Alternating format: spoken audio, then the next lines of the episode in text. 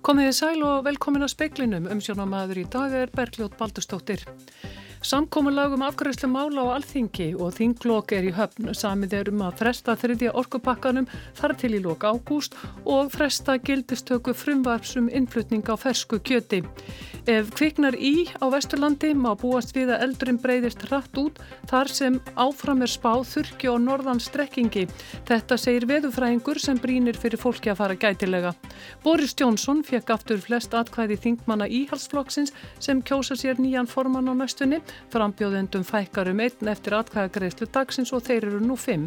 Sérsveit ríkislörglustjóra og sprengju sérfræðingar landhelgiskeslunar voru kallaður út þegar vart var við torkennilegan hlut við gegnum lýsingu í farangursleita á Keflavíkurflugvelli. Við nánari skoðun reyndist hann vera eftirlíking af Faberge ekki. Donald Trump, bandaríkjafórseti, útilokar ekki stríð við Íran, engum ef stjórnvöldar hefja þróun kjarnavopna. Hann gerði lítið úr árásum á tvö oljuflutningaskipa Ómanflóa í síðustu viku í viðtali við tímariti Time í dag. Og mikil eftirvænting er fyrir komu tvekja mjaldra til Vestmanæja á morgun. Samkómulagum afgæðslu mála alþingi og þinglokk er í höfn. Fjármálar að þeirra segist sáttur við að ríkistjórnin klári sín mál en er ósáttur við hvernig þingstörfin hafi þróast undanfarið og auðvelt sé að taka þingið í gíslingu. Samið er um að fresta þriðja orkupakkanum þar til í lok ágúst og því fagnar formaður miðflokksins. Þá verður gildistöku frumvarsun innflutning á fersku kjöti frestað. Ég sáttu við það að ríkistjórnin klára sín mál. Það er það sem stendur upp úr eftir svona þingvetur. Það er það hvernig gengur að ljúka stjórnarmálum. Það skiptir okkur mestu máli og ég er hins vegar ekki sáttur við það hvernig þingi hefur þróast og uh, að við skulum vera uh, komin svona langt út fyrir starfsállun en það er ekki fyrsta skipti. Hvað var í rauninni til þess að hakka á hnúti núna? Nú það tekur stundum bara mörg skipti. Það þarf að setjast oft niður saman og og uh, þetta var nú snúin staða vegna þess að stjórnarhanstæðan kom ekki samhend að borðinu. Já, ég er það. Nú gefst tækifæri til þess að skoða sjálfkopakkamál betur og uh, þó að einhverjir sjálfstæðismenn hafi ekki viljað skipa þessa formlegu nefnd þá verður hægt að vinna í þessu sumar og leggja niðurstöðnar fyrir auðverkismál nefnd, svo að það er mjög, mjög jákvæmt. Hvað annað fyrst í standa upp úr í þessari samlingalótu? Já, það hefur náttúrulega gengið á ímsu hérna í þinginu undan farna daga og, og vikur en, en hitt sem kannski stendur helst upp úr er ráakjötið og innflytningur á því. Þar verður aukið sveigurum, þar sé að beðið með gildistökuna. Saði Sigmundur Davíð Gunnlaugsson og Bjarni Bendiktsson á undan honum.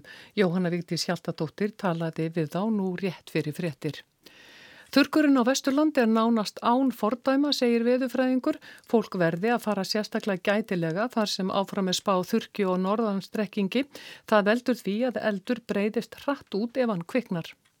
Lauruglustjórun á Vesturlandi og Ottviti Skorradalsreps hafa gaggrínt að harlega hver slæmar flóttaleiði séu úr Skorradal en þar hefur verið líst yfir óvissustígi vegna hættu á gróðuröldum.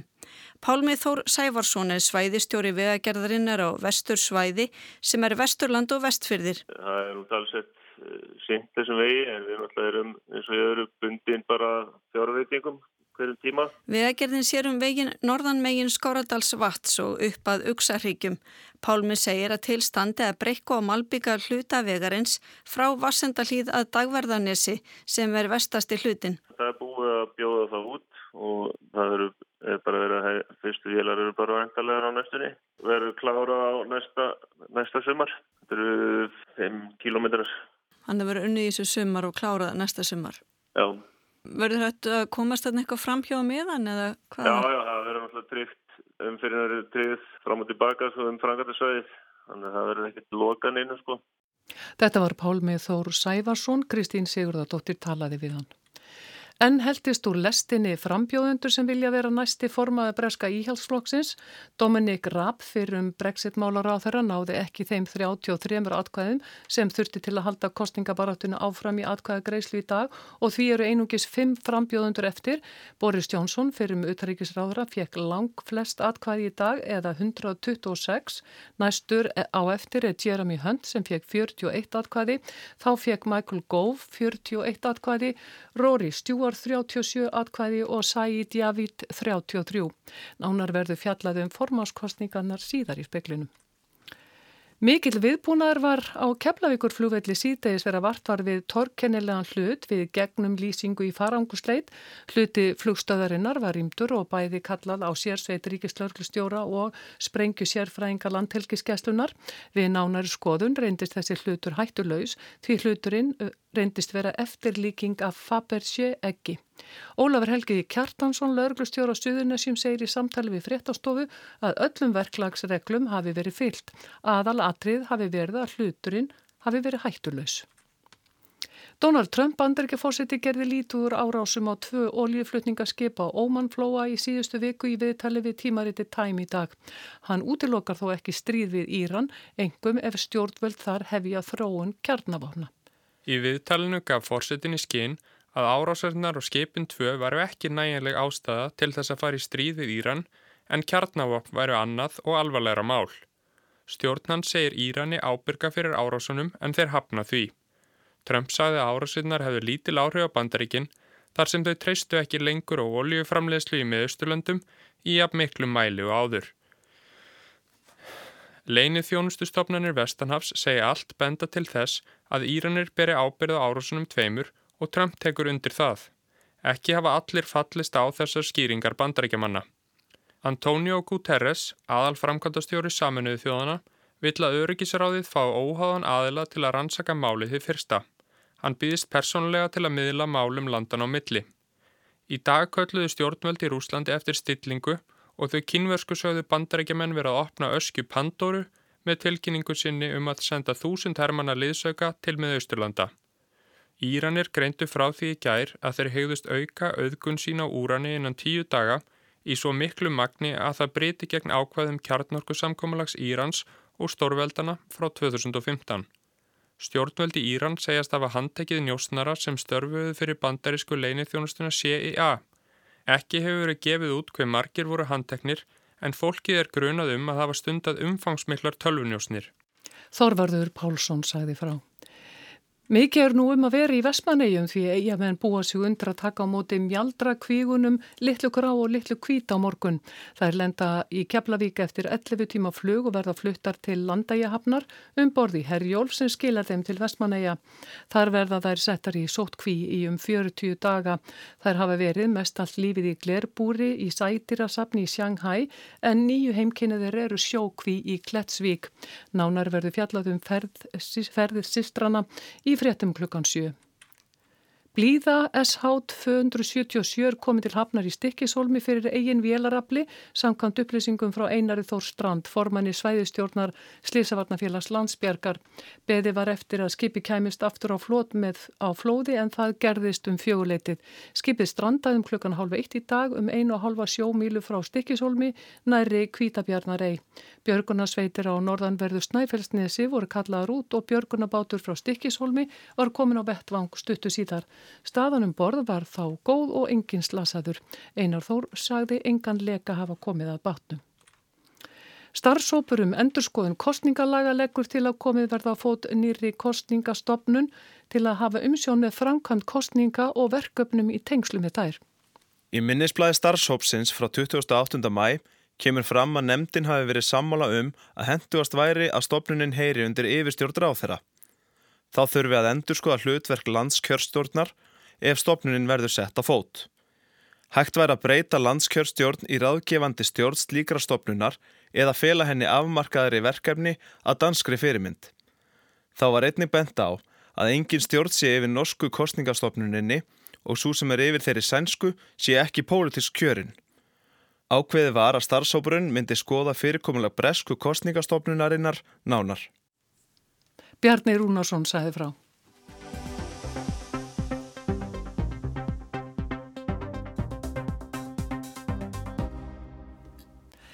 Boris Jónsson, fyrirverandi utreikisráð þeirra hlaut í dag flest atkvæði í annari umferð í leið tók kjöri breska íhaldsflokksins. Fimm frambjóðundur eru enn í veltunni. Það er þingflokkurinn sem kýs í þessari umferð, alls 313 þingmenn. Segir hún, Davíðsdóttir, þú hefur verið að fylgjast með.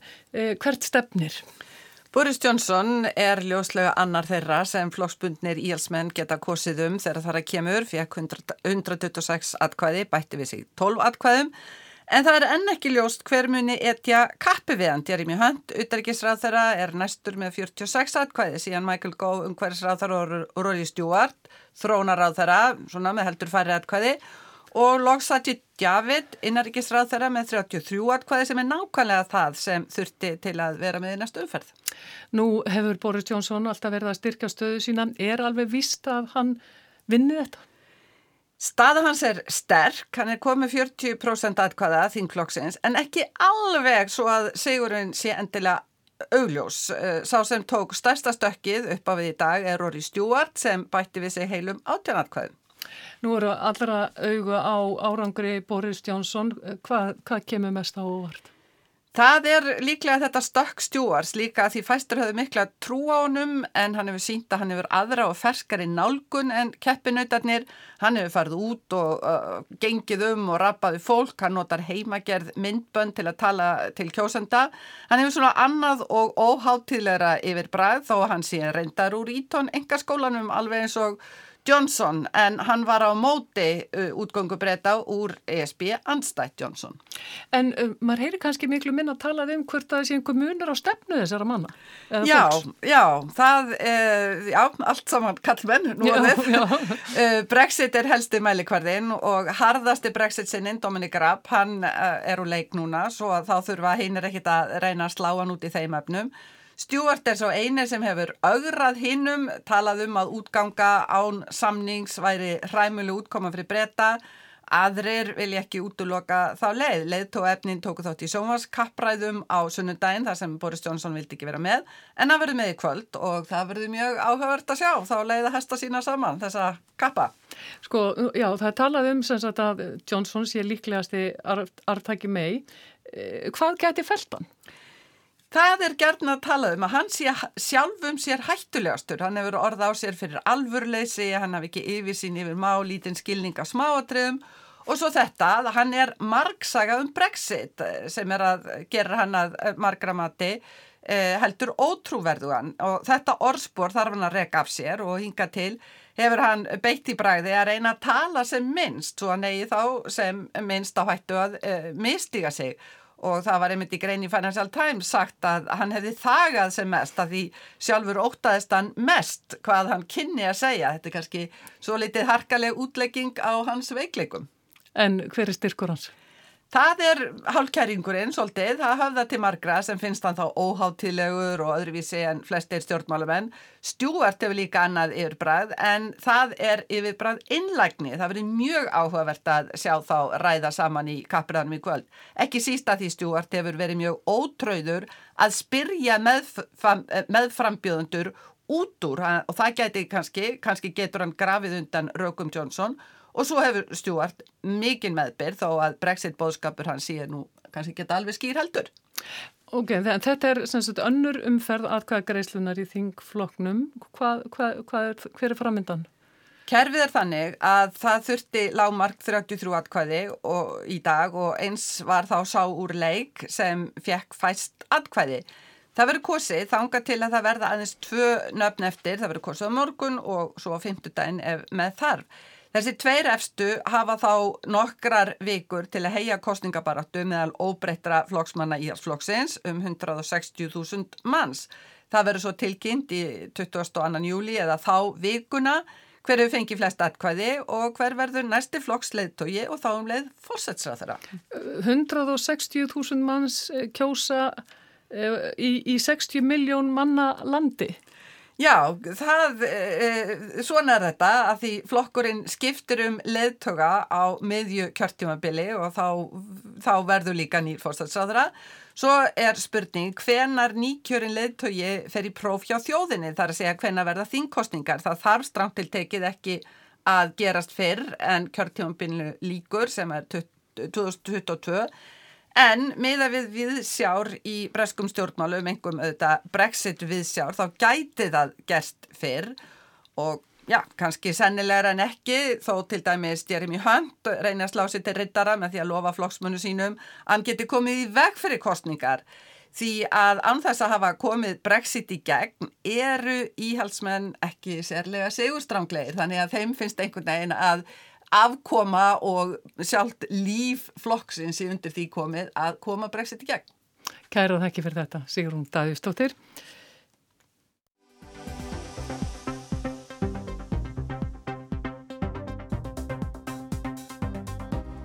Það þarf að stokka upp hlutverk fjallkonunar og leifin að velja sér ljóð.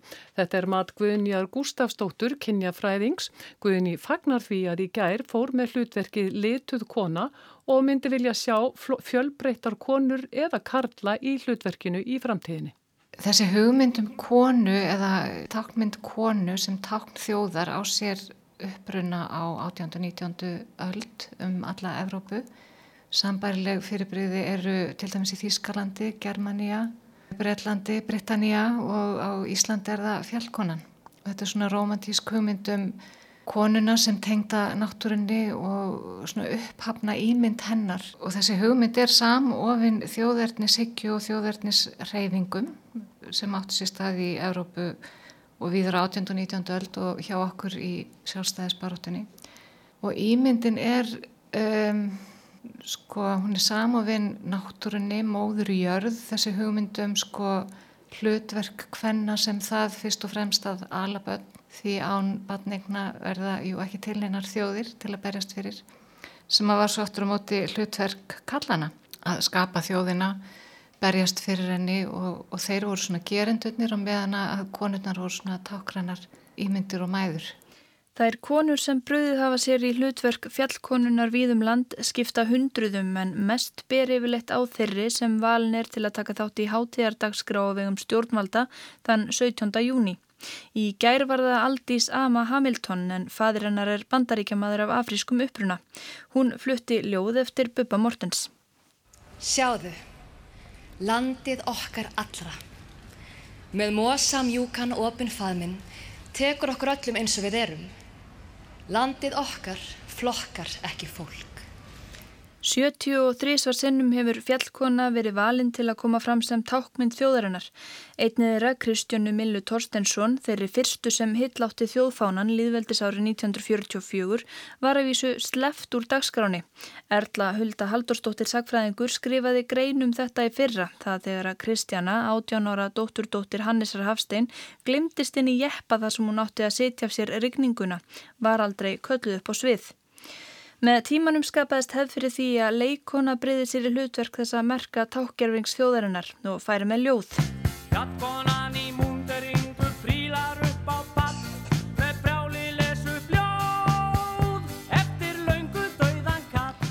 Hafi ljóðin einu sinni alltaf verið eftir laungu döða kalla er það ekki raunin lengur. Mörg dæmi er um að fjallkonan hafi fluttu ljóð eftir konu. En hvað um ímynd fjallkonunar sjálfrar? Guðunni segir ímyndina lítið hafa breyst þrátt fyrir hvernriðtindabaráttu. Ímynd Íslensk kvenleika, þessar kvenleika hugmyndir eru hafa haldist ótrúlega ósnortnar og þó að og þó að ímislegt hafi komið til í sögunni sem hefur trublað þessa ímynda þá virðast það alltaf ná að festa sig aftur í sessi. Og það er einmitt þessi ímynd íslensku kona sem glæsilegar konu svona eins og við lásum um í Íslandingasögunum það eru forkunafárar og, og gáðar og, og brugga köllunum sínum lönnráð kannski á baku tjöldin en það stýra ímsuð og það séu valda litlar í rauninni samkvæmt lögum og þetta hefur haldist ótrúlega lífsegt. Reykvíska fjallkonan klæðist tæplega 50 um skautbúningi sem er einungist tekinn fram á 17. júni þess að millir hann varðveittur í lokari geimslu á borgarsögursafni Reykjavíkur. Starfsmenn Sapsins máta búningin á fjallkonuna ár hvert í samráði við klæðskera og sérfræðingi í þjóðbúningasömi og gera þeir lagfæringar sem þurfa þykir. Í svari við fyrirspöld speilsins fullir þeir Helga Gilvadóttir verkefnastjóri síninga að stærð búningsins ráði ekki úrslitum um það hver beran hverju sinni. Stundum passi treyjan ekki og þá sé fengin önnur að láni og einhver skipti hafi svo verið notast við annan búning sem passaði fjallkoninni betur en skart Reykjavíkurborgar þó alltaf notað.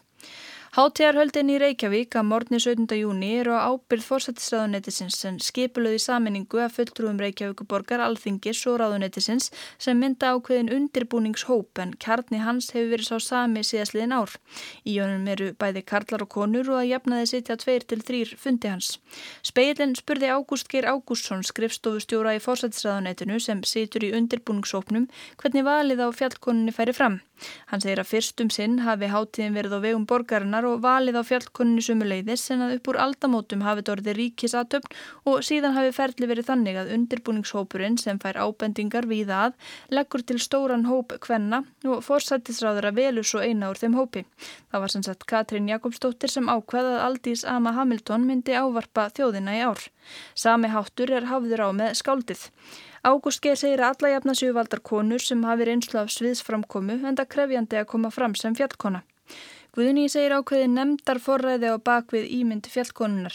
Þá segir hún leikonurnar sem valdar eru til að klæðast skautbúningunum yfirleitt samræmast ákveðinni mynd. Hefðin er og ímyndin er hvít og mér finnst það mjög gleðilegt að, að hérna, ímyndin breytist í takt við þjóðina og komin tími til bara. Guðni myndi gerna vilja að fjallkonan fengi sjálfa velja sér ljóð til að fara með og þá myndi hún vilja sjá konur á öllum aldri í svo hlutverki já og transkonu eins og í hafnarferði í hitti fyrra. En er þessi ímynd kannski bara úrælt? Ímynd íslensks kvenleika, þessar kvenleika hugmyndir eru hafa haldist ótrúlega ósnortnar og þó að og þó að ímislegt hafi komið til í sögunni sem hefur trublað þessa ímynda þá virðast það alltaf að ná að festa sig aftur í sessi og það er einmitt þessi ímynd íslensku kona sem glæsilegar konu, svona eins og við lásum um í Íslandingasögunum. Það eru forkunafárar og, og gáðar og, og brugga köllunum sínum lönnráð kannski á baku tjöldin en það stýra ímsuð og það séu valda litlar í rauninni samkvæmt lögum og þetta hefur haldist ótrúlega lífsegt. Og þetta var Guðni Gústafsdóttir, það var Arnildur Haldunadóttir sem rætti við hana. Úrslita keppni heimsmeistaramóts kvenna í fótbolta stendur nú sem hæst yfir í Fraklandi og sennilega hefur keppninni aldrei áður verið synt jafn vel að fjölmjölum á alþjóðavísu. Kvennaboltinn hér á landu og Erlendis á þá enn langt í land með að njóta jafnbreytis á við Karlaboltan þegar kemur að aðstöðu peningum og viðhorfi þeirra sem stjórna knattspilnurhefingunni. Þetta segja þau Edda Garðarsdóttir, margareind landslýskona í fótbolta og þjálfari og Kristján Gummusson, knattspilnu þjálfari. Edda og Kristján veltu fyrir sér muninum á íþróttinni eftir því hvort karlar eða konur stundana. Ég held að munin liggi bara í físikinni í raun og veru og núna er kvennaboltinn orðin meira, þú veist, með fleiri afriðsýrtumenn og fleiri leikmenn að velja úr sama í hvaða landið er í raun og veru því að veist, íþróttin er reyðið settir ums allstaðar og, og komin góðu grunnur út um allan heim. Nú er leikurinn orðið taktískari hvenna meginn heldur hann var gefið að allar þessar, þessar undirleikandi ástæðar sem ég nefndi á undan eru komnar að þá náttúrulega getur þú farið meira að, að leika þér að leikskipulagi og þarf meira heila á bakveð að stjórna góðu fólktalliði. Kvennaboltinu með stittra skeið byrjaði setna heldur en kallaboltin og mér finnst kvennaboltin vera svona að sækja sér verið og nálgast kallaboltan sem hefur náttúrulega verið kannski meira í þessum pælingum ykkur um tögum árum á, á undan. Kristján, hver er þín sínu þetta? Þetta er uh, sama íþróttin, er nánast ölluleiti nema lífræðilega, þá er þetta alls ekki sama íþróttin. Og, og það er það svona sem að aðalega skilur að. Og þegar verið er að bera saman fótbolta, kvenna og kalla þá er sífælt verið að horfa á og ruggla saman lífræðilegum þáttum og svo færni. Til dæmis markverður meðal hæð á markverði í kvennabolta er 1.70 á meðan uh, meðalhæð markmanns í kallabolta er 1.89 en þau eru að verja sama marki sem er 2 metrar 44 cm og það er alltaf verið að gera lítið úr markverðum hvenna en þetta voru eðlilegt fyrir það er að verja marki eins og kallana þannig að munum líka fyrst og fremst þar að fólk er að bera saman kynin í að spila fótbollan á raungum fórsendum fótbollin í dag og hefur verið er upplegg kalla og það eru kalla sem stjórna og það er það sem hefur kannski verið vandamálinn Nú eru þið bæði með reynslu í, í þjálfun, þetta þú hjá konum og Kristján, þú kannski aðalega kvöllum en þú, þú ert að þjálfa núna með starflokk hvenna í stjórninni. Er ykkur munur á þessum tveimur hópum? Sko við horfið til þess að æfa íþurftina, það sem ég hef kynst núna á þessum mánu sem ég er að þjálfa stelpunar, er að það er engin munur. Það eru, eru jáfnvel enn betri og nákvæmri í því að æfa og fara eftir þeim fyrirmæl sem er settur upp. Þannig að, að hvernig það kynir nálgast íþurftina er engin munur þar á. Eh, það er kannski helst eh, umhverfið sem að þarf að fara aðlega sig að metnaði stelpnana í, í fólktanum. Það er þar sem að svona, ég voru mest undrandi yfir og komið reyndar og óvart hversu stutt á veg uh, virðingi fyrir fókbalta hvernig það er komin, bara allstaðar. Hvað með það sem er heyri stundum að það þurfa að nálgast uh, stelpur öðruvís eldur en stráka, það er eitthvað drama í gangi hjá stelpum sem er ekki hjá strákum. Er þetta bara klísja og, og rangumindir? Þetta er bara ruggl. Eh, strákar geta alveg verið jafnmjög dramadrótningar og er jafnvel stundum lengur að greiða sér á hann að fara út á völlinu en stelpunar sko og síðan líka að þú ert með topp íþróttamann og, og manneski sem er á réttum stað andlega með fórgansröðuna sína rétta að þá er ekkert í vegi fyrir því að geta rætt við manneskuna eins og topp íþróttamann en það náttúrulega er ekkert allir jafn góðir í því, góðir í mannlega samskiptum. Þá náttúrulega á bæði við um leikmenn og, og þjálfara og starfsmenn kringu liði en... Það er svona aðeins öðruvísi sálfræði og félagsfærni sem maður þarf að beita í að þjálfa konur. Uh, meðal annars spyrja þær miklu meira en strákunir og það er vilja að fá allt á tært til þess að vita hvernig það er að gera. Strákjarni getur bara sagt já ok og hlaup út af öllin og gert svo áframsum vittlusuna en, en stelpunni ger það ekki. Þannig að það er bara svona eitt einfalt dæmi en, en þetta er aðeins öðru sig já, það er það, er það. en bara mjög skemmtilegt og, og jáfnveil skemmtilegra að vera með konunar heldur en strákuna en ekki segja ég að sagt það. Kristján, þú myndist í upphafa á að þér finnist við ennþá vera stutt komin með að bera virðingu fyrir kvennaboltanum en er, er við á réttir leið samt sem aður? Já, eins og þetta myndist á í upphafi þá er, sko, kvennafókbaltin fór náttúrulega mörgum áratugum af stað á eftir kallið þúrtunni en þetta er á hraðruleið, þetta er sífælt að vaksa það sem að stendur í vegi fyrir húnum eru kallatinn sem að stjórna. Uh, við getum bent á styrtasamningin sem er við Pepsi Max deildir kalla á hvenna hérna heima, erum, hann er se sex ára samningur og, og við erum á þriðja ári en það rennur nánast ekkert til hvennaboltans eða, eða félagana til þess að setja í, í hvennaboltan og maður svona hefur verið að spyrja er ekki að segja sér frá þeim samningu og, og, og finna aðra styrtarara sem að svo sannlega vilja styrkja hvennaboltan því að fyrirtækin sjá að, að þar er jarðvegur fyrir að styrkja og fá mjög jákaða ímynd. En það er ekki hægt, þetta er læstur samningur. Maður held kannski að þetta væri engungu hérna á Íslandi en nei, nei, nei, nei FIFA, allþjóða knastbundarsambandið er líka með svona samning sex ára samning sem er læstur og það er bara kvennaháum sett inn í pakkan án þess að kvennaháum fái nánast ekki neitt útrún mjög svipa og hér þannig að þetta er á alheimsvísu við þurfum að berja á svona köllum að fara að að sína þessu meiri virðingu og skapa þessu meiri farveg. Þetta sér þú fram á betri tíð? Já, já, bætingin bara undan fyrir tíu ár er bara stórkusleg. Auðvitað taka svona stóra breytningar langan tíma. Ég held þetta liggi líka hjá, eins og Kristján að tala um, úst, samningarnir sem er gerðir, ölgerðin gerir samning. Er það ekki þá þeirra sem er að, sem er að setja fyrir í eitthvað ákveðu verkefni, er það ekki þeirra að fylgja eftir með stolti að dreifingi séu jöfn áherslunar séu jafn sterkar fyrir bæði kín væri ekki hérna, næsti stóri stýrstaræðili efstu deildan á Íslandi hvort sem það er sami eða, eða annar að setja metnaðin í það þetta jafnbreytti, þetta er stór fyrirtæki eru að fá vottanir fyrir hitt og þetta, jafnlauna vottun kynja hlutvall, setja stolt sitt í að jafna kynja hlutvalli í, í stjórnendarstöðum og dreifingu starfa. Er þetta ekki bara partur af því, er það ekki bara framtíðin? Það þarf að taka heildin inn í þetta og þeir sem er að bæði náttúrulega knaspindarsambandi sem sérum þetta stórkvæmslega utanum að halda utanum fókbalt á Íslandi og allt starfið sem er unnið hérna á þessu landi sem er bara einstakt alveg sama hvað hver segir og uppbyggingin í félagunum sem eru að byggja upp lið í inkassódeildinni og pepsi-deildunum. Það fara allar að hugsa þannig og, og það séu áherslur innan félagana, í stjórnufélagana, í stjórnknæsmyndisambansins og síðan í styrstaræðalum íþróttana. Þetta gerist ekki að sjálfa sér, það þarf að taka af skarið og breyta hlutunum. Og þetta var þetta Garðarstóttir, Kristján Sigur Jónsson talaði við hana og Kristján Guðmusson. Það er ekki fleira í speiklinum í kvöld. Tækni maður var Ragnar Gunnarsson. Verði sæl.